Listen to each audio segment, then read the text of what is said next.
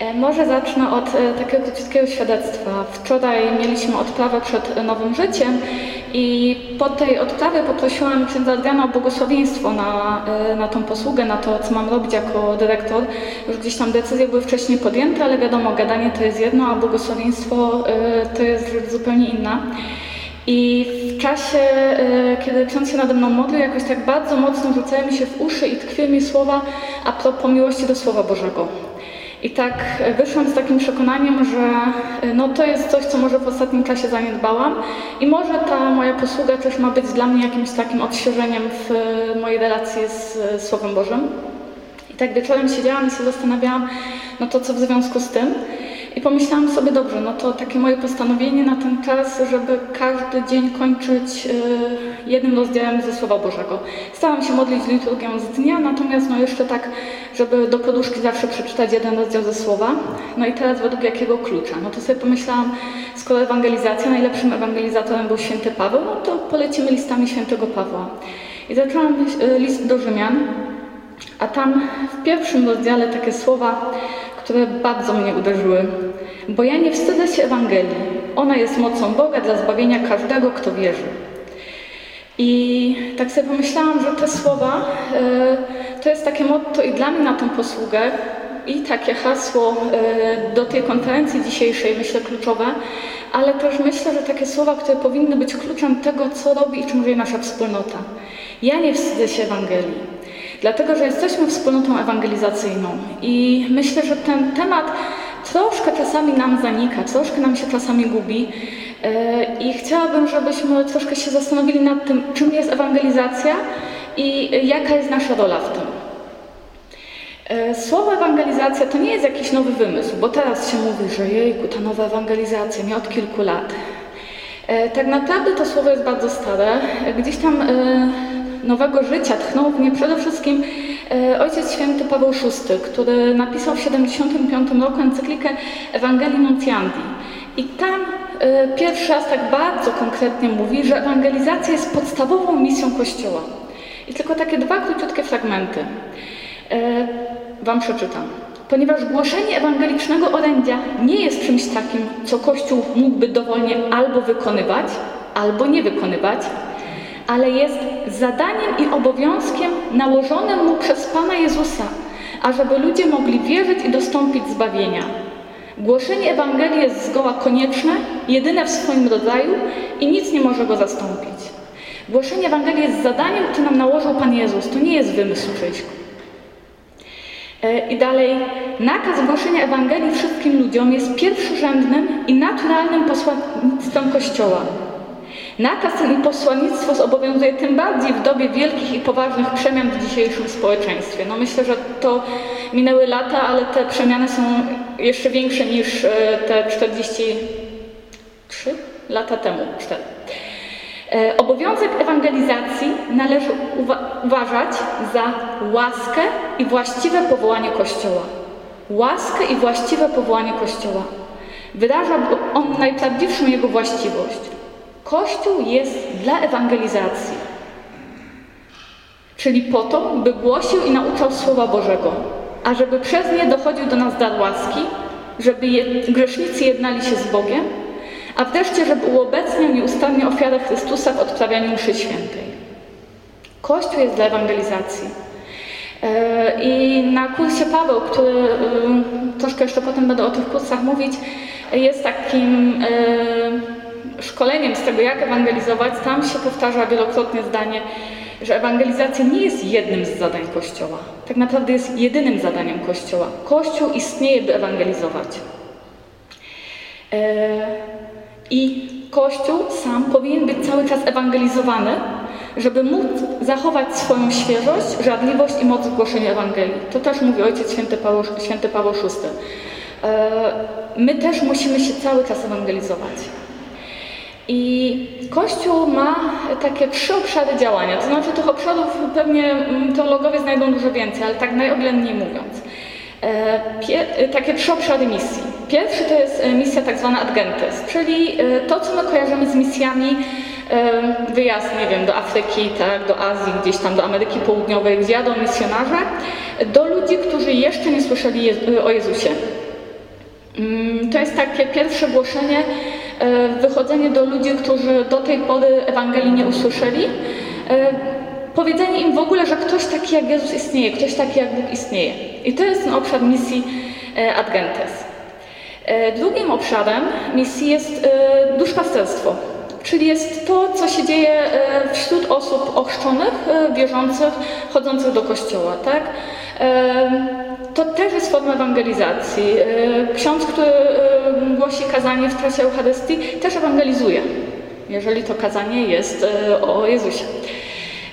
I trzeci, trzeci obszar to jest tak zwana nowa ewangelizacja, czyli głoszenie osobom ochrzczonym, które z różnego powodu albo straciły wiarę, albo e, no, są w kościele, ale nie mają doświadczenia żywej obecności Jezusa, e, których taki zapał e, życia z Panem Bogiem osłabł, albo nigdy go nie, nie rozwinęli, tak? Zostali ochrzczeni, ale nikt im nigdy nie pokazał tego, że Jezus jest żywą osobą.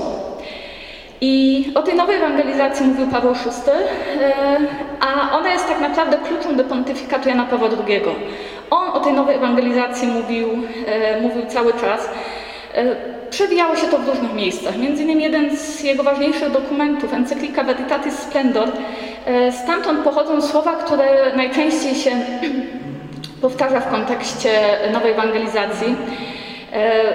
On też tak jak jego poprzednik mówił, że to nie jest to nie jest tak, że my ewangelizujemy, bo społeczeństwo, bo kultura, tak? tylko on mówi, yy, nas wzywa do tego nakaz Jezusa zmartwychwstałego, idźcie na cały świat i głoście Ewangelię wszelkiemu stworzeniu. Czyli znowu kolejny papież przypomina, że ewangelizacja jest nakazem Jezusa.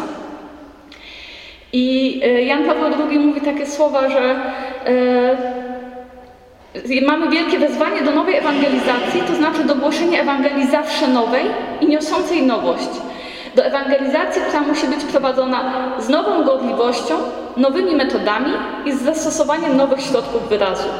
Jakby mnie ktoś zapytał o najkrótszą definicję nowej ewangelizacji, to bym powiedziała właśnie, że to jest to e, głoszenie Ewangelii z nową gorliwością, nowymi metodami i z zastosowaniem nowym, nowych środków wyrazu.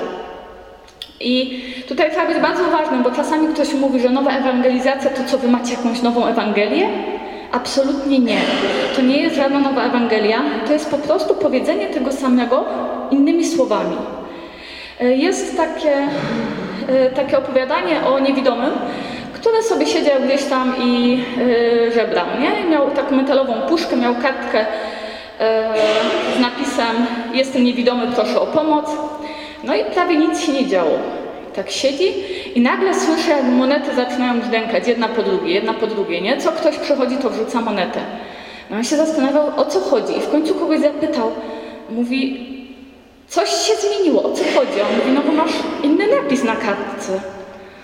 Okazało się, że ktoś zmienił mu napis na tej tabliczce, którą miał. Zamiast jestem niewidomy, proszę o pomoc, miał napisane e, zaczyna się wiosna, a ja nie mogę jej zobaczyć.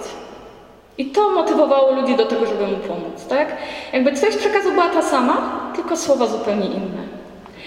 I jak spojrzymy, e, jeżeli czytaliście lektury szkolne, to czasami spotykamy się z językiem, który no już jest troszkę archaiczny, tak? E, daj Adzi, ja pobruczę, a ty poczywaj. Pierwsze zapisane zdanie w języku polskim dla nas już jest zagadką, tak? Przeczytam Wam fragment e, z szóstego e, rozdziału Ewangelii Świętego Łukasza. E, to jest wydanie Biblii Paulistów, nie wiem, z 2010 roku. W każdym razie bardzo współczesne. Czy niewidomy może prowadzić niewidomego? Czy obaj nie wpadną do dołu? Uczeń nie jest większy od nauczyciela, ale każdy należycie wykształcony będzie jak jego nauczyciel. Dlaczego widzisz drzazgę w oku swego brata, a belki we własnym oku nie dostrzegasz?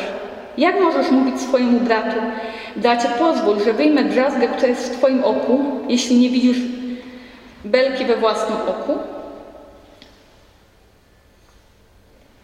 Obudniku, wyjmij najpierw belkę z własnego oka, a wtedy przejrzysz i będziesz mógł wyjąć drzazgę z oka twojego brata. Przeczytam Wam teraz dokładnie ten sam fragment, ale y, z Biblii księdza Jakuba Wójka. Ona jest z XVI wieku. Przepraszam za to, że się będę jąkać. I powiedział im i podobieństwo. I zali może ślepy ślepego prowadzić, a zaż nie obadwa w dół wpadają, nie jest ci uczeń nadmistrza, lecz doskonały każdy będzie, będzieli jako mistrz jego. A cóż widzisz źdźbło w, w oku brata twego, a tramu, który jest w oku twoim, nie baczysz? Albo jako możesz rzec bratu twemu, bracie, dopuść, że wyrzucę źdźbło z oka twego, sam tramu w oku twym nie bacząc? Obłudniku, wyrzuć pierwej tram z oka twego, a tedy przeźwysz, abyś wyjął źdźbło z oka brata twego. Słyszycie różnicę? Jest dokładnie ten sam, ta sama treść, dokładnie ten sam przekaz, ale zupełnie inny język. Gdyby w kościele nadal była czytana Biblia Jakuba Wujka, byłoby nam dużo trudniej zrozumieć przesłanie. Dla ludzi XV-XVI wieku, którzy się takim językiem posługiwali, to było zrozumiałe. Dla nas język się zmienia, ewoluuje, to już jest trudne, tak? I dokładnie o to chodzi w e, nowej ewangelizacji, że e, my mamy to samo mówić nowym językiem, nowymi sposobami. Arcybiskup e, Fulton Sheen, którego proces beatyfikacyjny teraz e, wchodzi w e, zasadniczą fazę, on był Amerykaninem i to był taki pierwszy telewizyjny ewangelizator przed programami, które on prowadził, chociaż w zasadzie wychodził, wiecie, wychodził facet w sutannie, miał tam tablicę i zaczynał mówić i tam nie było jakiegoś wielkiego show, a ten program gromadził miliony przed telewizorami. On mówił takie bardzo mocne zdanie. Chrześcijanin, który nie głosi Ewangelii, jest pasożytem na ciele Kościoła. Chrześcijanin, który nie głosi Ewangelii, jest pasożytem na ciele Kościoła. Chcesz być pasożytem na ciele Kościoła. E, na wspomnianym przeze mnie kursie Paweł e, padło takie zdanie, że znajomość Ewangelii jest przywilejem, ale też odpowiedzialnością. Ja mam przywilej znać Słowo Boże, ale to mnie jednocześnie czyni odpowiedzialną za to, aby inni to Słowo Boże poznawali. I skąd to wiemy? No wiemy dokładnie stąd, ze Słowa Bożego. Tak? W liście do Koryntian czytamy, biada mi, gdybym nie głosił Ewangelii. E, kiedy Piotrowi i Janowi na początku dziejów apostolskich powiedzieli idźcie i nie mówcie już nic więcej o Jezusie, oni powiedzieli, my nie możemy nie mówić tego, cośmy widzieli i słyszeli. Nie możemy nie mówić tego. Ewangelizacja, znajomość Ewangelii jest przywilejem i odpowiedzialnością. I czym jest ewangelizacja? Nam się to czasami kojarzy z takimi wielkimi działaniami eventowymi. Nie jest jakaś, nie wiem, przystanek y, Jezus, czy Jezus na stadionie, czy y, na jesień było y, dla młodzieży takie wielkie wydarzenie ewangelizacyjne na stadionie narodowym. Nie? I nam się kojarzy, dobra, to zrobimy wielkie show i ludzie przyjdą. Tylko tak naprawdę nie o show tutaj chodzi. Takie wydarzenia nam mogą pomóc w ewangelizacji, ale tak naprawdę e, ewangelizacja ma być prowadzeniem osoby do osoby Jezusa. Taki show to może być e, wydarzeniem, które nam pomoże do tego, żebym ja w rozmowie z kimś podprowadziła go do Jezusa. Jose Prado Flores, założyciel Szkół Nowej Ewangelizacji, mówił, że każda ewangelizacja zaczyna się na kolanach od słuchania słowa. I zobaczcie, dzisiejsza Ewangelia, już o tym y, dzisiaj o Ewangelii wspomniał ksiądz proboszcz, y, zaczyna się od tego, co robi Jezus. On ma, y, powołuje uczniów, tak? Czyli w zasadzie rozpoczyna dzieło ewangelizacji, ale najpierw spędza noc na modlitwie. Całą noc trwał na modlitwie. I to powinno być to, co poprzedza wszystkie działania ewangelizacyjne. I jedna jeszcze ważna rzecz, jeśli chodzi o samą ewangelizację. Bez miłości nie ma ewangelizacji. E, pierwszy etap to jest modlitwa, drugi etap ja muszę kochać tego, do kogo idę. Ja nie mogę się czuć od niego lepsza, ja nie mogę się czuć, e, nie wiem, bo ja już wiem, a ty nie. E, takie piękne zdanie słyszałam błogosławionego Jana Dunsa Szkota, że nie liczy się to, że kochasz Boga, ale przede wszystkim to, kogo kochasz razem z Nim. Kogo kochasz razem z Nim? Bo kochać Boga jest łatwo, ale czy kochasz tych ludzi, y, których spotykasz?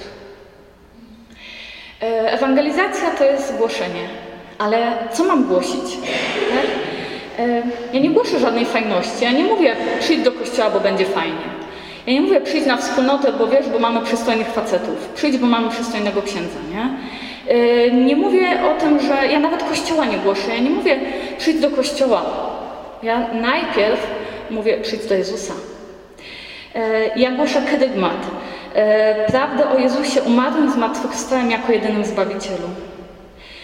Ja głoszę miłość Bożą w moim połamanym życiu i Jezusa jako rozwiązanie. Ja się odwołuję do mojego świadectwa, do mojego doświadczenia spotkania z Jezusem, e, żeby pokazać człowiekowi, ty też możesz spotkać Jezusa. I ewangelizacja to nie jest katecheza, to nie jest przekazywanie doktryny. Ja nie mogę przyjść do człowieka i mu zacząć e, od tego, wiesz, e, chcesz, chcesz przyjść do kościoła, dobra, no to pamiętaj, nie możesz jeść mięsa w piątki, musisz to, musisz tamto, musisz ciamto, nie? I jak zaatakuję go całym spisem y, y, zasad i obowiązków, to on ucieknie. Ja muszę mu najpierw opowiedzieć o Jezusie, ja muszę go doprowadzić do spotkania z osobą i wtedy on sam, kiedy zrozumie, co Jezus dla niego zrobił, to sam stwierdzi, kurczę, jeżeli on za mnie umarł, to ja mogę przynajmniej taką drobną rzecz zrobić, jak się powstrzymać od tego mięsa w piątek, tak? I wtedy to będzie działać. Jak ja mu powiem w drugą stronę, a, nie chwyci. E, co zrobić, żeby ewangelizować? Przede wszystkim otworzyć się na miłość Boga, to znaczy dać Panu Bogu najpierw mojego serca dotknąć, yy, spotkać się z Jezusem zmartwychwstałym, bo jeżeli ja nie będę miała osobistego spotkania, to ja będę tylko sprawozdawcą, a ja mam być świadkiem. Ja nie mam mówić o tym, co ja doczytałam w książce, ja mam mówić o tym, co dotyka mojego serca. I yy, otworzyć się na Ducha Świętego i z takim wyposażeniem mogę iść i głosić. E, ewangelizowania uczymy się ewangelizując. To jest e, najbardziej podstawowe hasło. Każdy na początku mówi, bo ja nie umiem ewangelizować. No na początku nikt nie umie, ale ewangelizowania uczymy się ewangelizując. Ja bym teraz prosiła Karinę e, o świadectwo z doświadczenia ewangelizacji, które miałyśmy w tym roku. Gdzie chcesz?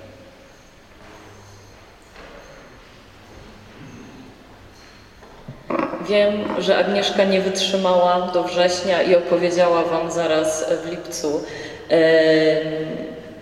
o tym, czego doświadczyłyśmy podczas wakacyjnej ewangelizacji Bieszczadów. Pojechałyśmy tam z dwóch przyczyn. Pierwsza była taka, że Aga stwierdziła, chciałabym poćwiczyć w praktyce ewangelizację. Stwierdziłyśmy, Dobra, to przystanek Jezus, ale trochę przeraził nas tłum i Aga mówi, Karina, nigdy nie byłam w Bieszczadach, a jest taka akcja w Bieszczadach, to jedziemy. Ja mówię, ja też nigdy nie byłam, no to możemy pojechać. No i pojechałyśmy. I najpierw były takie rekolekcje czterodniowe e, i warsztaty, które miały nas przygotowywać do tej ewangelizacji. I na Tamie, e, na Solinie w piątek i sobotę odbywały się akcje ewangelizacyjne. I tak jak Agnieszka powiedziała, bardzo często ewangelizacja są eventy, więc tam były też jakieś tańce, znaczy nie jakieś tańce uwielbieniowe, e, były świadectwa ze sceny, był taki, nie wiem jak to powiedzieć, happening czy performance, e, porozkładane różne rzeczy na ziemi i, i tam co kilka minut e, dwóch aktorów odgrywało scenkę, ale najważniejsza rzecz i to też podkreślał ksiądz Mateusz dyrektor całej tej akcji, że najważniejszą rzeczą jest tak zwana siatka. Siatka, czyli e, dwójki, które chodzą z Pismem Świętym pod pachą i podchodzą do ludzi i po prostu ewangelizują twarzą w twarz. I my z Agnieszką też byłyśmy e, w tej siatce.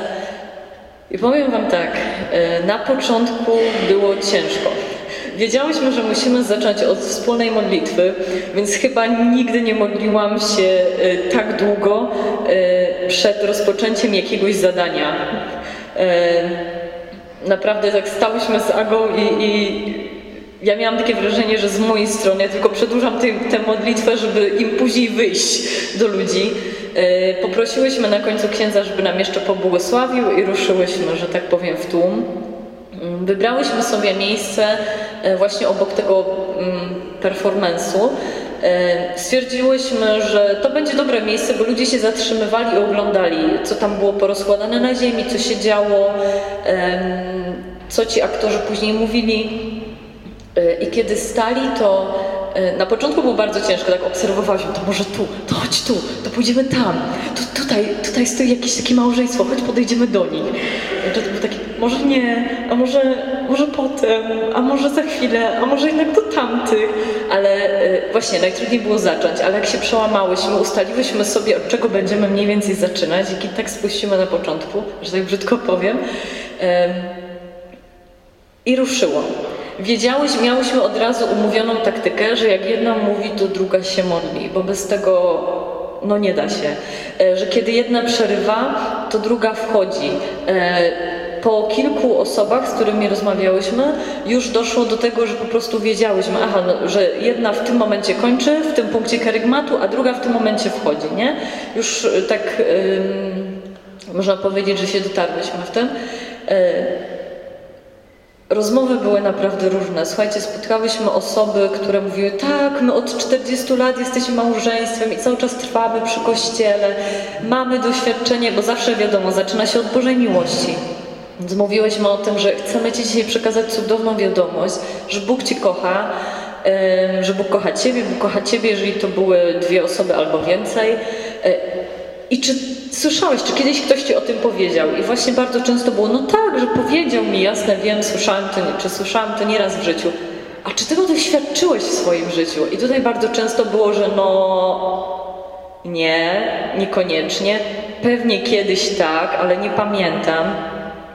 E, Więc e, to był też taki moment, kiedy mogłyśmy się podzielić tym naszym doświadczeniem Bożej miłości. E, I właśnie miałyśmy może takie, no nie wiem, no szczęście w nieszczęściu, albo po prostu szczęście, że 90% osób, do których my podchodziłyśmy, to byli ludzie, którzy w jakiś sposób byli związani z Kościołem. Okazało się, że była jakaś rodzina z Wodzisławia Śląskiego, która też chodziła na szeregnickie pielgrzymki, więc gdzieś tam był wspólny temat. Okazało się, że inne młode małżeństwo to są starzy oazowicze, którzy ym, gdzieś tam próbowa- są z Chorzowa od Franciszkanów i też gdzieś z powoli wchodzili w Chorzowie, tak? Więc też ludzie gdzieś tam blisko kościoła. Tak naprawdę tylko dwie osoby, chyba dwie, z tego co pamiętam, trafiły nam się takie, które e, mówiły, że one nie wierzą w to, że Bóg jest. Jedna była, e, jeden to pamiętam, był mężczyzna, który powiedział, że on był ministrantem, on był w oazie, on był bardzo blisko kościoła, ale kościół go na tyle zranił, że on w ogóle nie wierzy dzisiaj że tak naprawdę nie ma nic wspólnego z Kościołem i to była bardzo długa rozmowa. Nie pamiętam ile, ale bardzo długo rozmawiałyśmy z tym mężczyzną i z jego partnerką. I było widać, ta dziewczyna nam powiedziała wprost, mówi, ja się za niego codziennie modlę, ale dobrze, że go zastawiłyście, że z nami rozmawiacie, bo on teraz widzi, że to też, że inni ludzie też tym żyją, czym ja żyję że inni ludzie też mogą mu powiedzieć o tym, o czym ja mu opowiadam. I to było takie wow, czyli Panie Boże, Ty naprawdę się tutaj nami posługujesz, naprawdę czegoś od nas tutaj chcesz. Mm. Właśnie, były też małżeństwa y, właśnie z 40-letnim na przykład stażem. Y, y, byli też ludzie, którzy mówili, że dawno mi nikt nie powiedział o tym, że Bóg mnie kocha. Dzięki, miło to było usłyszeć.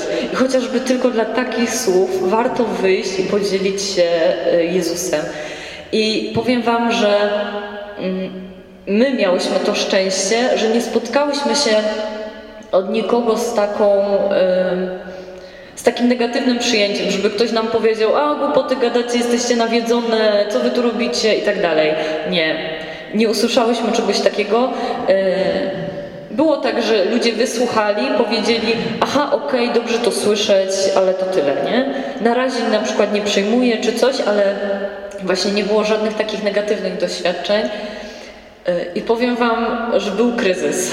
W pewnym momencie miałam poważny kryzys już, bo to były dwa dni po 5 godzin chyba, czy niecałe 5 godzin ewangelizacji.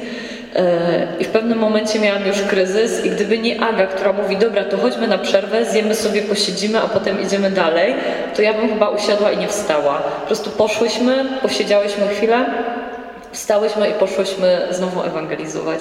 Dlatego to jest też to, że zawsze nigdy się nie idzie samemu, nie? że do ewangelizacji ma się zawsze kogoś obok, Bo kiedy ty nie możesz, to ta druga osoba cię ciągnie. Albo kiedy rozmawiasz z kimś i czujesz, że już masz pustkę w głowie i nie wiesz, jaki argument podać, milkniesz, patrzysz w panice na tę drugą osobę i ta osoba nagle wchodzi i zaczyna mówić, nie? I to się wszystko składa w jedną całość. E, I tak od siebie jeszcze tylko dodam, że było to naprawdę cenne doświadczenie. E, tak naładowało mnie pozytywnie i też pokazało, e, w czym tak naprawdę leży cel naszej wspólnoty. Jesteśmy wspólnotą ewangelizacyjną, że musimy ewangelizować, a taką nie wiem, dla mnie może nie najprostszą, bo to jest chyba najtrudniejsza spośród metod ewangelizacji, taka ewangelizacja twarzą w twarz, ale jest niesamowicie skuteczna, jak się widzi e, moment, kiedy ludzie naprawdę mają łzy w oczach, bo ktoś po raz pierwszy od wielu lat im powiedział, że Bóg ich kocha. I udowadnia im to, trzymając w ręku Pismo Święte i otwierając konkretny fragment. Także to jest naprawdę bardzo budu- niełatwe, ale bardzo budujące doświadczenie. Dziękuję.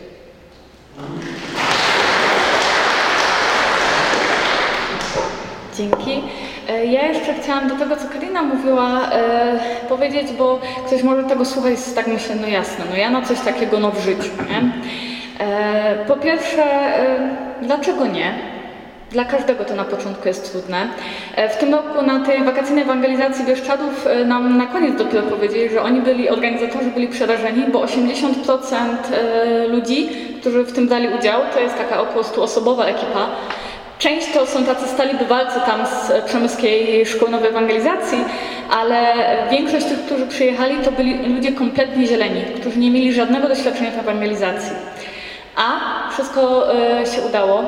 E, przy takich dużych wydarzeniach jest też tak, że jeżeli ktoś naprawdę nie czuje się e, na siłach, żeby wyjść i głosić, to naprawdę jest mnóstwo różnych posług, które można podejmować jakby dookoła, będąc tam też, tak? Chodzili ludzie, nie wiem, z flagami, z napisem Bóg Cię kocha, chodzili z takim wielkim sercem, z cytatami Słowa Bożego, więc tych różnych form jest bardzo dużo ale nawet jeżeli nie pojedziesz na jakieś wydarzenie ewangelizacyjne, to możesz ewangelizować w swoim otoczeniu, tak? Dzieląc się po prostu, bo podstawowym narzędziem ewangelizacji jest świadectwo. I to, co możesz zrobić, to dzielić się świadectwem tego, jak Bóg działa w Twoim życiu. I to jest pierwszy krok ewangelizacji. I to nikt nie może się z tego zwolnić. Nikt nie może powiedzieć, nie, ja, ja nie potrafię. Bo jeżeli doświadczyłeś, to nie możesz nie mówić. E, ale właśnie, e, padło już parę razy sformułowanie Szkoła Nowej Ewangelizacji i e, teraz jeszcze chciałam troszkę o tym powiedzieć, bo my jako wspólnota należymy do szkół ewangelizacji świętego Andrzeja, Sesa. Co to w ogóle jest? O tym się mówi zazwyczaj na Nowym Życiu i potem już się do tego nie wraca i to troszkę nam umyka. To jest międzynarodowa wspólnota, która jest Dane sprzed paru lat to było 2000 szkół w 67 krajach. E, na pewno tych szkół jest już znacznie więcej. Być może krajów też. Jesteśmy na chyba wszystkich kontynentach już teraz. E, zaczęło się 39 lat temu, w 1980 roku w Meksyku, w Guadalajarze. E, José Prado Flores, zwany Pepe, jakieś 9 lat wcześniej e, doświadczył e, Bożej mocy i zaczął ewangelizować. Nie? Zaczął głosić po prostu e, Jezusa zmartwychwstałego. Ale e, w pewnym momencie, e, właśnie w tym 80 roku, doświadczył, że on nie e, dostał zaproszenie na 7 miejsc jednocześnie. No i tego się nijak nie dało ogarnąć. Nie? I on w tym momencie stwierdził, że kurczę, on nie jest w stanie być wszędzie, E, a on wypracował jakieś swoje metody ewangelizowania. Więc to, co on może zrobić, to nauczyć kolejnych ludzi ewangelizować, głosić e, w taki sposób, żeby docierała e, ta nauka, którą głosi. Więc zaczął szkolić ewangelizatorów. Ale potem stwierdził, że on nawet tego nie jest w stanie robić, bo potrzeby są znacznie większe. Więc zaczął formować formatorów ewangelizatorów. I z tych trzech etapów, czyli ewangelizacja, formowanie ewangelizatorów i formowanie formatorów, szkoła składa się do dzisiaj. E, I metodologia, czyli sposób działania wspólnoty, jest owocem praktyki, a nie siedzenia za biurkiem.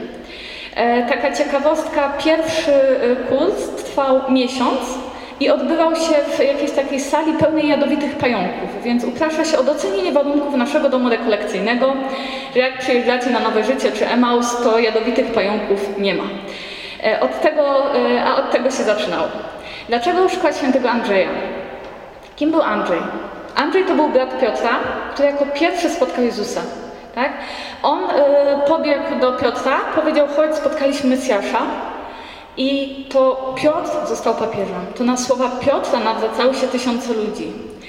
E, Piotr stał się, nie lubię tego słowa, ale jakby ważniejszy niż Andrzej, tak? Przynajmniej no jest e, tym apostołem takim, o tym, jak myślimy apostoł, to pierwsze skojarzenie Piotr, tak?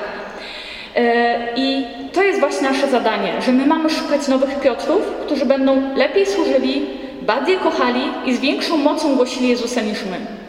I dzięki temu szkoła się cały czas rozwija, że jeżeli ja jestem czymś dobra, to ja chcę znaleźć kogoś, kto jest ode mnie jeszcze lepszy. Ten ktoś będzie szukał kogoś, kto jest jeszcze lepszy. I dzięki temu cały czas się rozwijamy. I podstawą y, tego, co robi Szkoła Świętego Andrzeja, jest kerygmat, jest pierwsze głoszenie. I my go ogłaszamy w y, sześciu punktach. Miłość, grzech, zbawienie, wiara, nawrócenie, wyznanie Jezusa Panem jako jeden, y, Duch Święty, wspólnota. Czyli najprościej, jak można kerygmat powiedzieć w jednym dosyć rozbudowanym, ale jednym zdaniu. E, Bóg bardzo Cię kocha i chociaż nie doświadczasz tego e, w tym momencie, ponieważ Twoja natura jest skażona przez grzech, to jest z tego wyjście, bo Jezus jest Zbawicielem, e, który przyjął na siebie Twój grzech i otworzył Ci niebo. I jedyne, co musisz zrobić, to uwierzyć, nawrócić się i przyjąć Jezusa jako Pana i Zbawiciela, a wtedy On pośle Ci Ducha Świętego, który Cię zaprosi do wspólnoty. I to w zasadzie, to jedno zdanie, to jest wszystko, e, co powtarza Szkoła Świętego Andrzeja na najróżniejsze sposoby. I e, takim filarem działania e, szkoły to jest tak zwane kekako. Brzmi mm, trochę jak dakanie kury, ale to jest skrót od trzech słów, które stanowią filar. Ke, kerygmat, czyli właśnie serce podstawa, tak? Mm, głosimy Jezusa.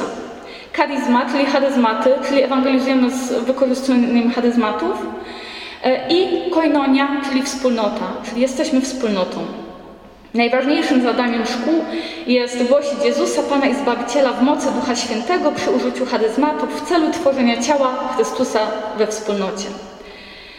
I e, takie hasło, które jest cały czas powtarzane, Kościół nie ponosi porażki ze względu na przesłanie, które głosi, ale może ponieść porażkę w sposobie jego głoszenia.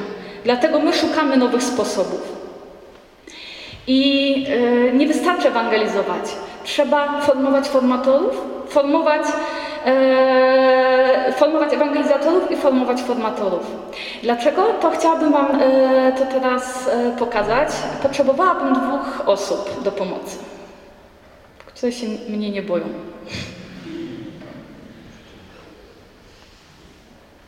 No, ja wiem, że jestem straszna, ale... Nie no, w szkole jest wolność, więc nie będę wskazywać. Adrian i Monika, chodźcie. Dobrze, e, ale dla pozostałych osób też będę miała zadanie. Będę Was za moment e, prosiła w wolności, bo to jest podstawa działania szkoły. Robisz tyle, ile chcesz, to co chcesz. Jeżeli będziesz chciał, e, to osoby, które będą chciały wziąć w tym udział za moment, będę prosiła, żeby wyszły z ławek. O co chodzi? Ja mam do przekazania bardzo ważną prawdę i chciałabym, żeby dotarła do wszystkich. Ja powiem Monice i powiem ją Adrianowi, czyli powiem ją dwóm osobom na ucho. I teraz y, oni będą podchodzić do osób, które wyjdą z ławek. I każdy z nich powie to tylko dwóm osobom na ucho. Każdy, kto to usłyszy, znowu powie dwóm osobom. Tak? I zobaczymy, w jak szybko ta informacja się rozejdzie, czyli każdy, kto usłyszy przekaz, mówi go dwóm osobom, żeby było łatwiej. Ktoś, kto słyszy, niech trzyma podniesioną rękę, ok? Tak? W tym momencie, aha, on już słyszał. Szukamy kogoś, kto jeszcze nie usłyszał. Chcemy, żeby jak najszybciej się nam ten przekaz rozszedł, ok? Czyli jeżeli chcecie w tym wziąć udział, to proszę wyjdźcie z ławek, żebyśmy się mogli troszkę poruszać, a ja przekazuję informację.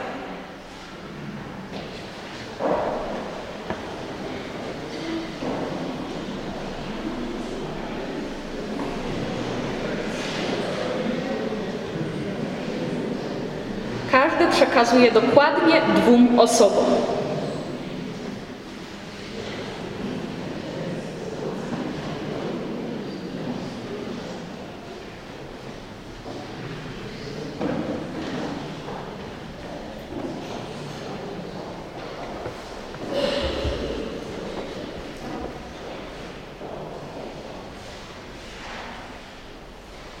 W tamtą stronę, bo tam jeszcze nie usłyszeli.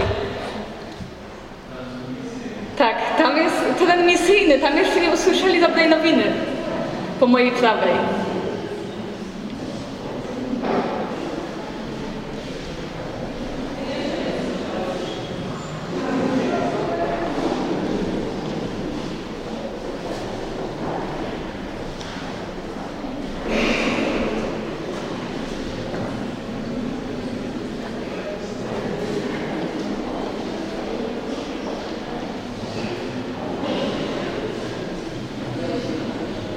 Okej, czy jest jeszcze ktoś, kto nie usłyszał?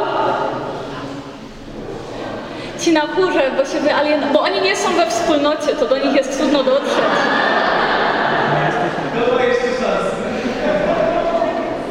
Okej, to powiedzmy teraz razem y, to, co usłyszeliście, okej? Uwaga. Amen. E, teraz zobaczcie, gdybym ja chciała osobiście każdemu z Was to powiedzieć, to byśmy stąd dzisiaj nie wyszli. Wystarczyło, żeby każdy podzielił się informacją z dwiema osobami i w dwie minuty cały Kościół usłyszał, że Bóg kocha Ciebie. E, To, co teraz zrobiliśmy, to jest dynamika. E, Dynamika jest podstawą działania e, szkół ewangelizacji. Chodzi o to, że usłyszeć to jest za mało, trzeba doświadczyć. Dlatego my właśnie e, często zapraszamy ludzi do różnych działań. E, Działamy na zmysły, tak? Czasem coś e, pachnie, czasem coś dostajemy do jedzenia, czasem trzeba coś dotknąć po to, żeby doświadczyć, bo to zapada w pamięć dużo bardziej. Jesteśmy częścią dużego ruchu w Kościele i chciałabym, żebyśmy w tym roku jakoś tak mieli tego świadomość, że jesteśmy częścią Szkoły Nowej Ewangelizacji. Jesteśmy zakorzenieni w Kościele. Szkoła ma e, zgody, e, w każdej diecezji szkoła musi mieć zgodę biskupa. U nas arcybiskup e, wydaje zgodę na działanie szkoły. Kapłan dostaje dekret posyłający do, do pracy w tej szkole.